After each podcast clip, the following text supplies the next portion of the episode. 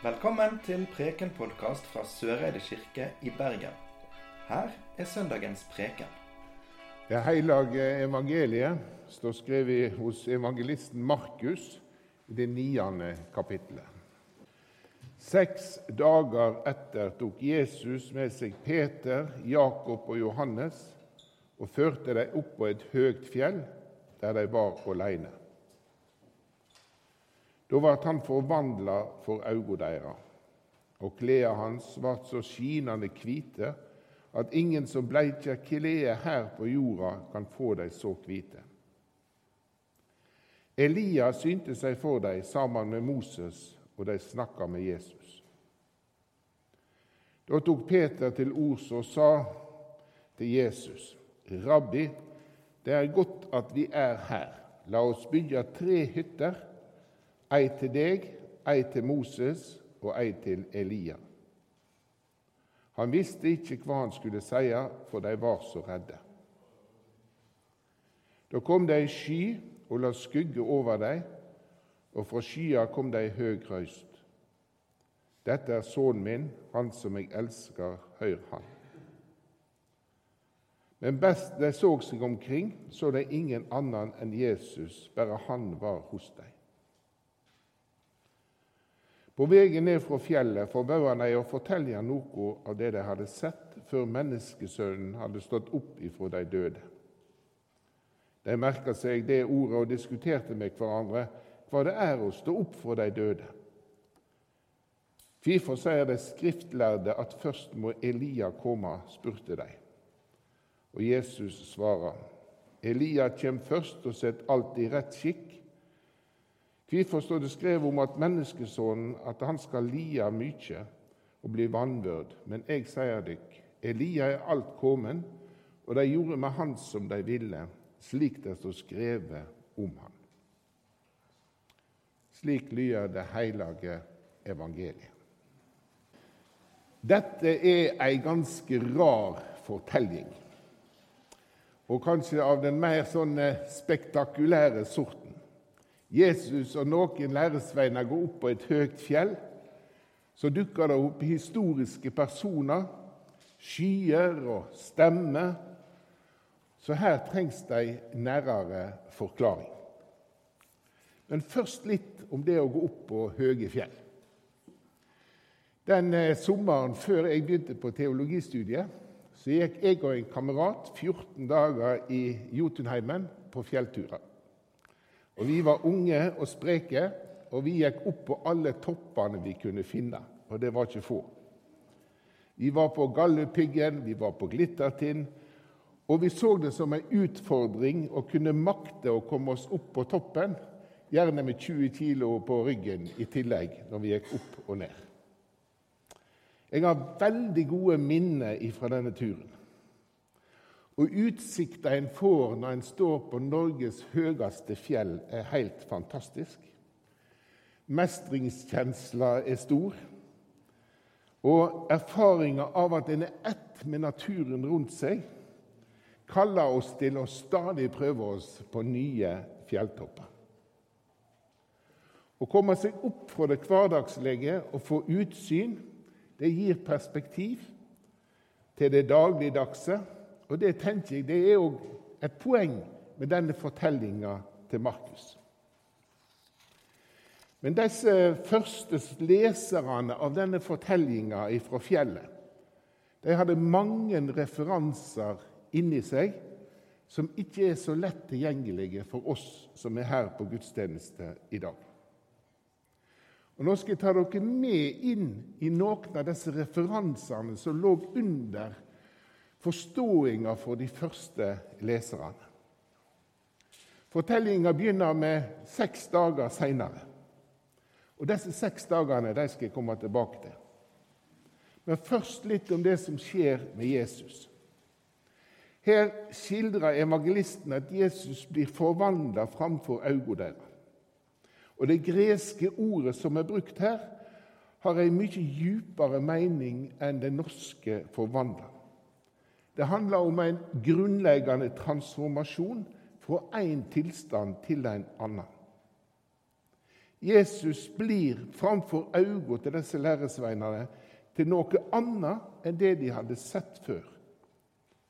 Noe skinnende kvitt noe som de ikke klarer å finne ord for å skildre. Og Denne forvandlinga til Jesus det er en hending som peker framover. Framover mot det som skal skje når Jesus står opp ifra de døde.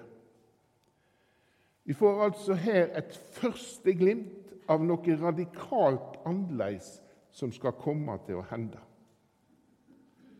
Og For de første leserne av Markusevangeliet så hadde det allerede gått 30 år siden Jesus faktisk sto opp ifra de døde. Og Gjennom de 30 åra har denne fortellinga om Jesus i oppstået manifestert seg i tru og overtyding til mennesker på veldig mange forskjellige plasser rundt om i Romerriket. Og så tenker jeg at med denne, dette bildet, denne forvandlinga av Jesus, er kanskje det nærmeste vi kommer grensa på hva vi mennesker kan forstå og gripe med våre sanser. Det var noe veldig spesielt som skjedde der oppe på fjellet. Men så hender det noe som er enda mer merkelig. Elia og Moses kommer til syne. Elia han var profeten i Det gamle testamentet som var regna for den som skulle gjenopprette det harmoniske og rette samfunnet. Og Moses han husker dere sikkert, det var han som leia folket ut fangens, fra fangenskapet i Egypt. Men bak denne fortellinga oppe på dette fjellet så ligger det en tekst fra andre Mosebok som forteller om når Moses gikk opp på fjellet for å møte Gud og få tavlene med de ti budorda. Vi kan lese om det i kapittel 24 i andre Mosebok. Eh, Moses og medarbeiderne går opp på Sinai-fjellet, og så kom det ei sky som dekka fjellet. Og Den skya lå over fjellet i seks dager, med referanse til det Markus skriver om disse seks dagene. Og På Sinai-fjellet møter Moses Gud og får tavlene med de ti buda. Og Disse ti båorda som Moses får der på Sinai-fjellet, det har altså danna grunnlaget for hele vår sivilisasjon og kultur. Og Moses og Elia de representerer til sammen lova og profetene. Med andre ord alle kjelder til å forstå den gamle pakta mellom israelsfolket og Gud. Og Når Jesus møter disse på fjellet, så blir linja dregen mellom den gamle pakta med israelsfolket og den nye pakta som kommer med Jesus. En ny pakt som ikke bare regner jødene som et utvalgt folk og velsigner dem, men alle som hører Jesus til, de hører til i dette nye folket, i denne nye pakta. Peter og de andre læresveinene forstår tydeligvis veldig lite av det her. Og Peter han er en mann av handling. Han kommer straks med forslaget om å bygge hytte. Og Han foreslår at de skal bygge tre hytter, ei til Elia, ei til Moses og ei til Jesus. Og Her er en referanse til lauvhyttefesten som ble feira hvert år når innhaustinga var ferdig. Da bygde alle ei hytte og feira markeringa av at nå var avlingene i hus, og nå var året over. Og Nå var det liksom slutten på en syklus, og en skulle begynne på et nytt år med nye muligheter. Og For Peters del, når han vil bygge disse hyttene opp på fjellet,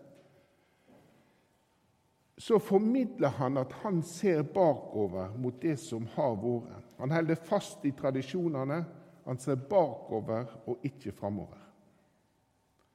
Og Så dukker denne stemma opp, da. Og Det er de samme orda som lydde da Jesus var døpt av Johannes.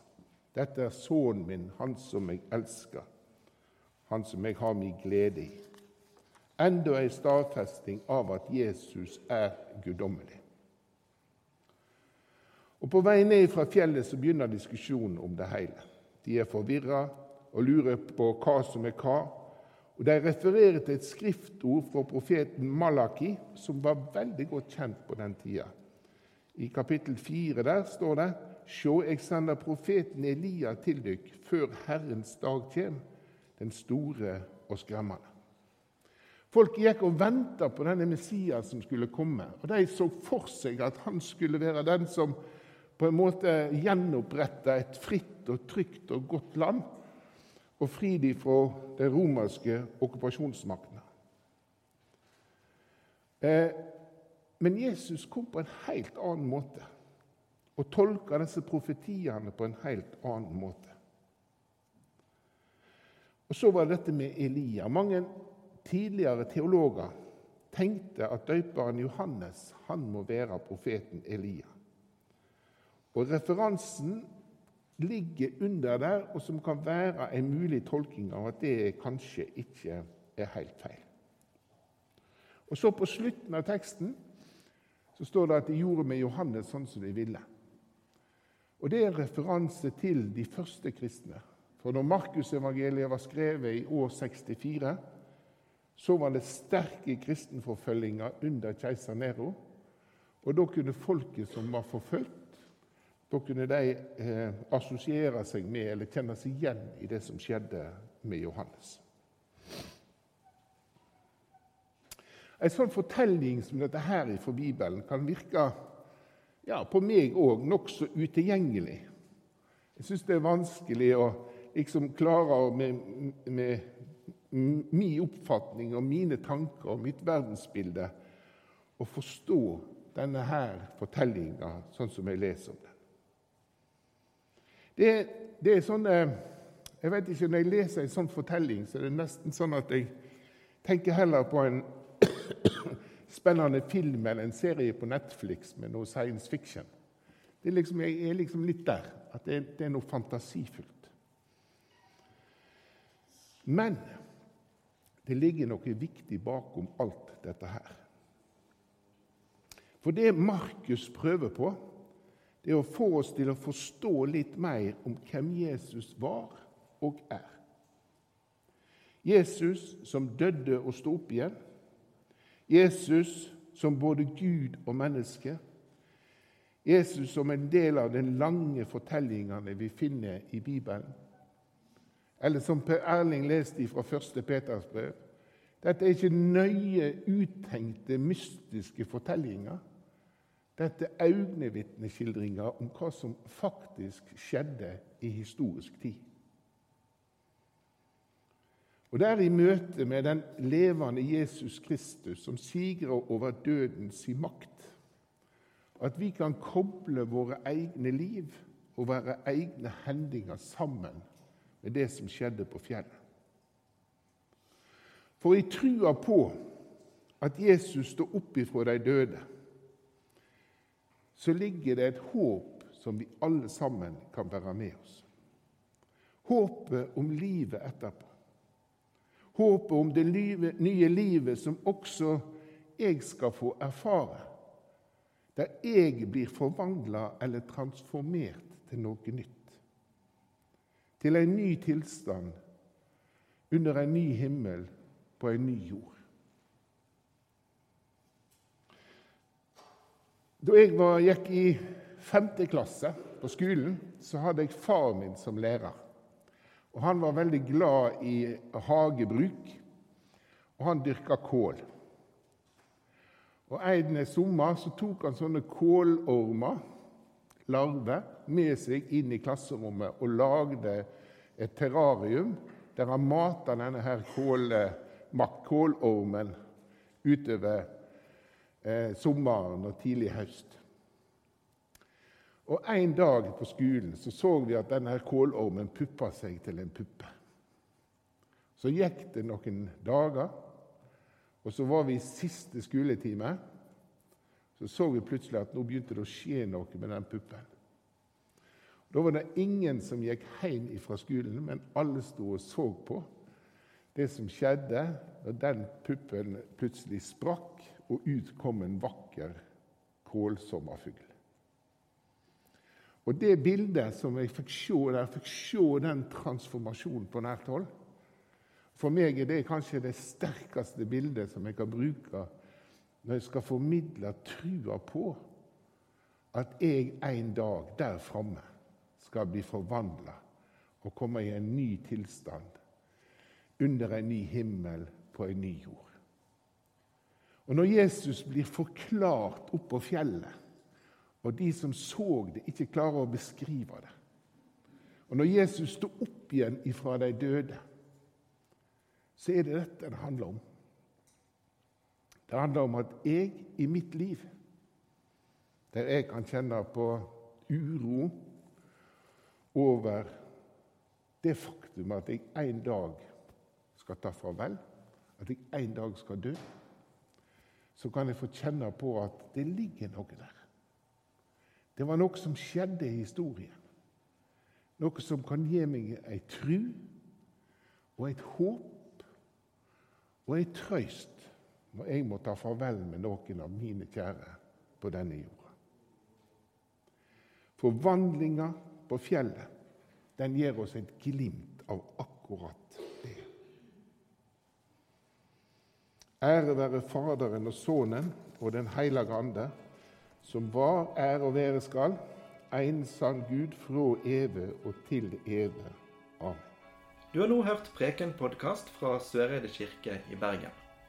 Følg oss gjerne på Facebook og Instagram, eller gå inn på vår nettside kirken.no soreide. Takk for at du hørte på.